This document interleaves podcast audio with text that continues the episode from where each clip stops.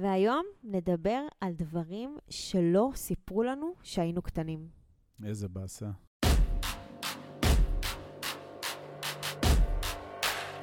ברוכים הבאים למדברים השקעות עם עמית ואגר.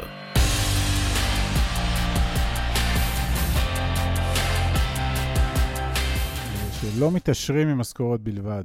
בשביל להתעשר חייבים עוד הכנסות שאינן תלויות בזמן שלנו. הכספים מהמשכורות, כמה גבוהות שלא תהיינה, אם לא ינוהלו נכון, הם יהפכו מהר מאוד להוצאות, לצריכה, לשיפור ברמת חיים, וייכנסו, הכספים האלה ייכנסו לתחרות קשה עם יוקר המחיה. תהיה פה תחרות. משכורות בינוניות ונמוכות הן כבר בגדר ה juggling שדיברנו עליו של החיים. רוב מעמד הביניים בישראל עסוק בתעדוף יומיומי של הוצאות שלו, כי השמיכה קצרה מדי. אז מי שיש לו עודפים תקציביים בסוף החודש או בתחילתו, תלוי איך מסתכלים על זה, אנחנו מעדיפים להסתכל על העודפים כבר בתחילת החודש ולא לחכות לסוף החודש. אז מי שיש לו את העודפים חייב להקצות אותם להשקעות שיגדילו את הונו העצמי, ובשלב מסוים יניבו לתא המשפחתי את המשכורת השלישית והרביעית, החמישית וכדומה. מי שלא נמצא בעודף תקציבי שוטף, יהיה חייב להתאמץ מאוד לעבור לסטטוס של עודף תקציבי כדי להתחיל ולהשקיע את הכספים הפנויים שלו. האינפלציה שוחקת את הכסף שלנו, חייבים להשקיע אותו. זה משפט שאנחנו אומרים כבר כמה שנים טובות, עוד מהשנים שלא הייתה אינפלציה. בחודשים האחרונים המשפט הזה קיבל משנת תוקף והפך להיות רלוונטי הרבה יותר. חברים, יש היום יותר מטריליון ש"ח של אזרחי ישראל ששוכבים להם ככה בבנקים, מנמנמים ומאבדים מערכם כ-4% בשנה. עכשיו, אתם יודעים כמה זה 4% מטריליון? אני אעזור לכם. זה 40 מיליארד ש"ח. אז מישהו חלק מהסטטיסטיקה של הטריליון המנמנם הזה, בואו תעשו לעצמכם טובה ותשנו גישה. כן, ומשפט מאוד מאוד חזק, תקנו נכסים ולא התחייבויות. משפט של רוברט קיוסקי, המחבר של אבא עשיר אבא אני, ומי שלא מכיר אותו, אז אנחנו ממליצים לקנות את הספר הזה, שהוא סוג של תנ"ך לא רשמי של עולם ההשקעות האלטרנטיביות. הטענה שלו היא שיש נכסים בעולם כמו נדל"ן שאתה קונה ומשכיר אותו, ויש התחייבויות כמו נדל"ן שאתה קונה וגר בו. הבית שאתה גר בו, רק מוציא ממך כסף על משכנתה, על שיפוצים, על תיקונים, על כל הזמן הבית הזה מוציא.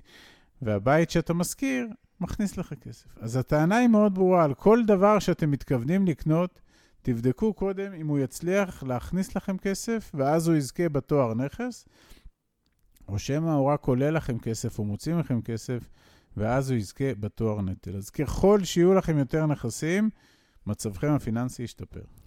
תמיד תשקיעו קודם כל בעצמכם, כי זו ההשקעה הכי טובה בעולם.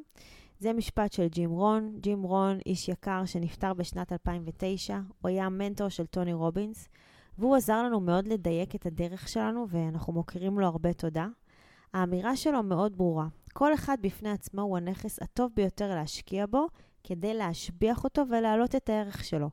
ככל שתשביחו יותר את עצמכם בלימוד, בקריאה, בהתנסות, בשיפור, אה, בשיפור מתמיד, כך תדעו לייצר לעצמכם הצלחות גדולות יותר בכל התחומים וגם בתחום הפיננסי. בפשטות זה אומר, אל תחסכו בתהליך הלמידה שלכם, גם אם הוא כרוך בהוצאות כספיות לא שגרתיות.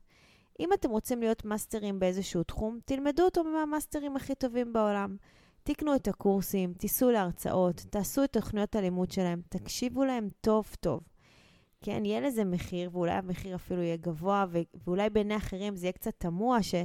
לא מבינים את הנקודה שבה אתם נמצאים ולמה אתם מוצ... אה, מוציאים סכומים כאלה, אבל אל תסתכלו על המחיר הפיזי, כי השיפור המנטלי-שכלי שלכם יביא אתכם בעתיד ליכולת להרוויח כסף ממעמד החדש בסכומים גבוהים הרבה יותר משכר הלימוד ששילמתם. עכשיו, רוב האנשים גם לא ילכו עם, המשפ... עם המשפט הזה כברת דרך מספיקה. וחבל. אה, ריבית דריבית זה הפלא השמיני.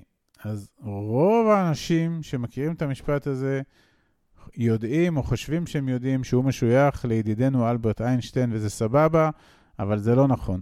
לא נמצאו בכתבים שלו עדויות למשפט הזה, אבל זה לא משנה, זה לא משנה. המשפט הזה הוא Game Changer בעולם ההשקעות. כסף שמושקע במכשירי השקעה שמייצרים ריבית דריבית, הוא כסף שצריך לעשות איתו רק דבר אחד. הדבר הזה הוא כלום. פשוט לא לגעת בו כל החיים, וגם להוריש אותו בתצורה הזאת ולתת לזמן ולריבית להפוך אתכם ואת הדורות הבאים למיליונרים.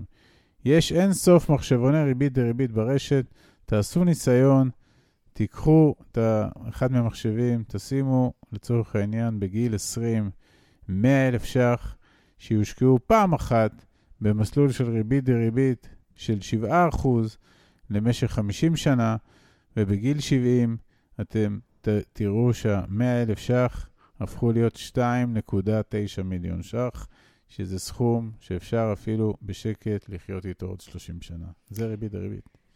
אל תחסכו את מה שנשאר לכם אחרי הבזבוזים, תבזבזו רק מה שנשאר לכם אחרי מה שתשקיעו. זה משפט של וורן באפט. כמה חוכמה יש במשפט הזה של המשקיע המפורסם בעולם.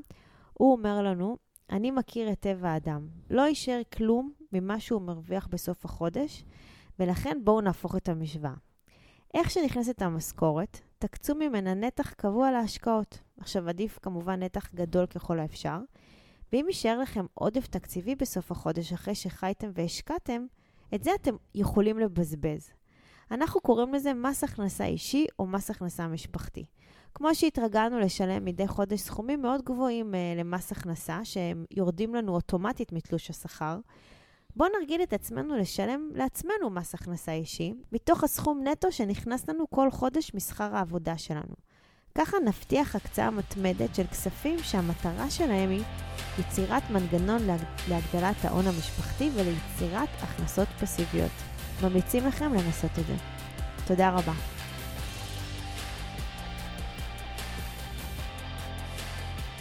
מי שממש רוצה להכיר ולהיחשף להזדמנויות ההשקעה בהן אנחנו משקיעים, מוזמן לאתר שלנו, תוכלו למצוא הכל שם.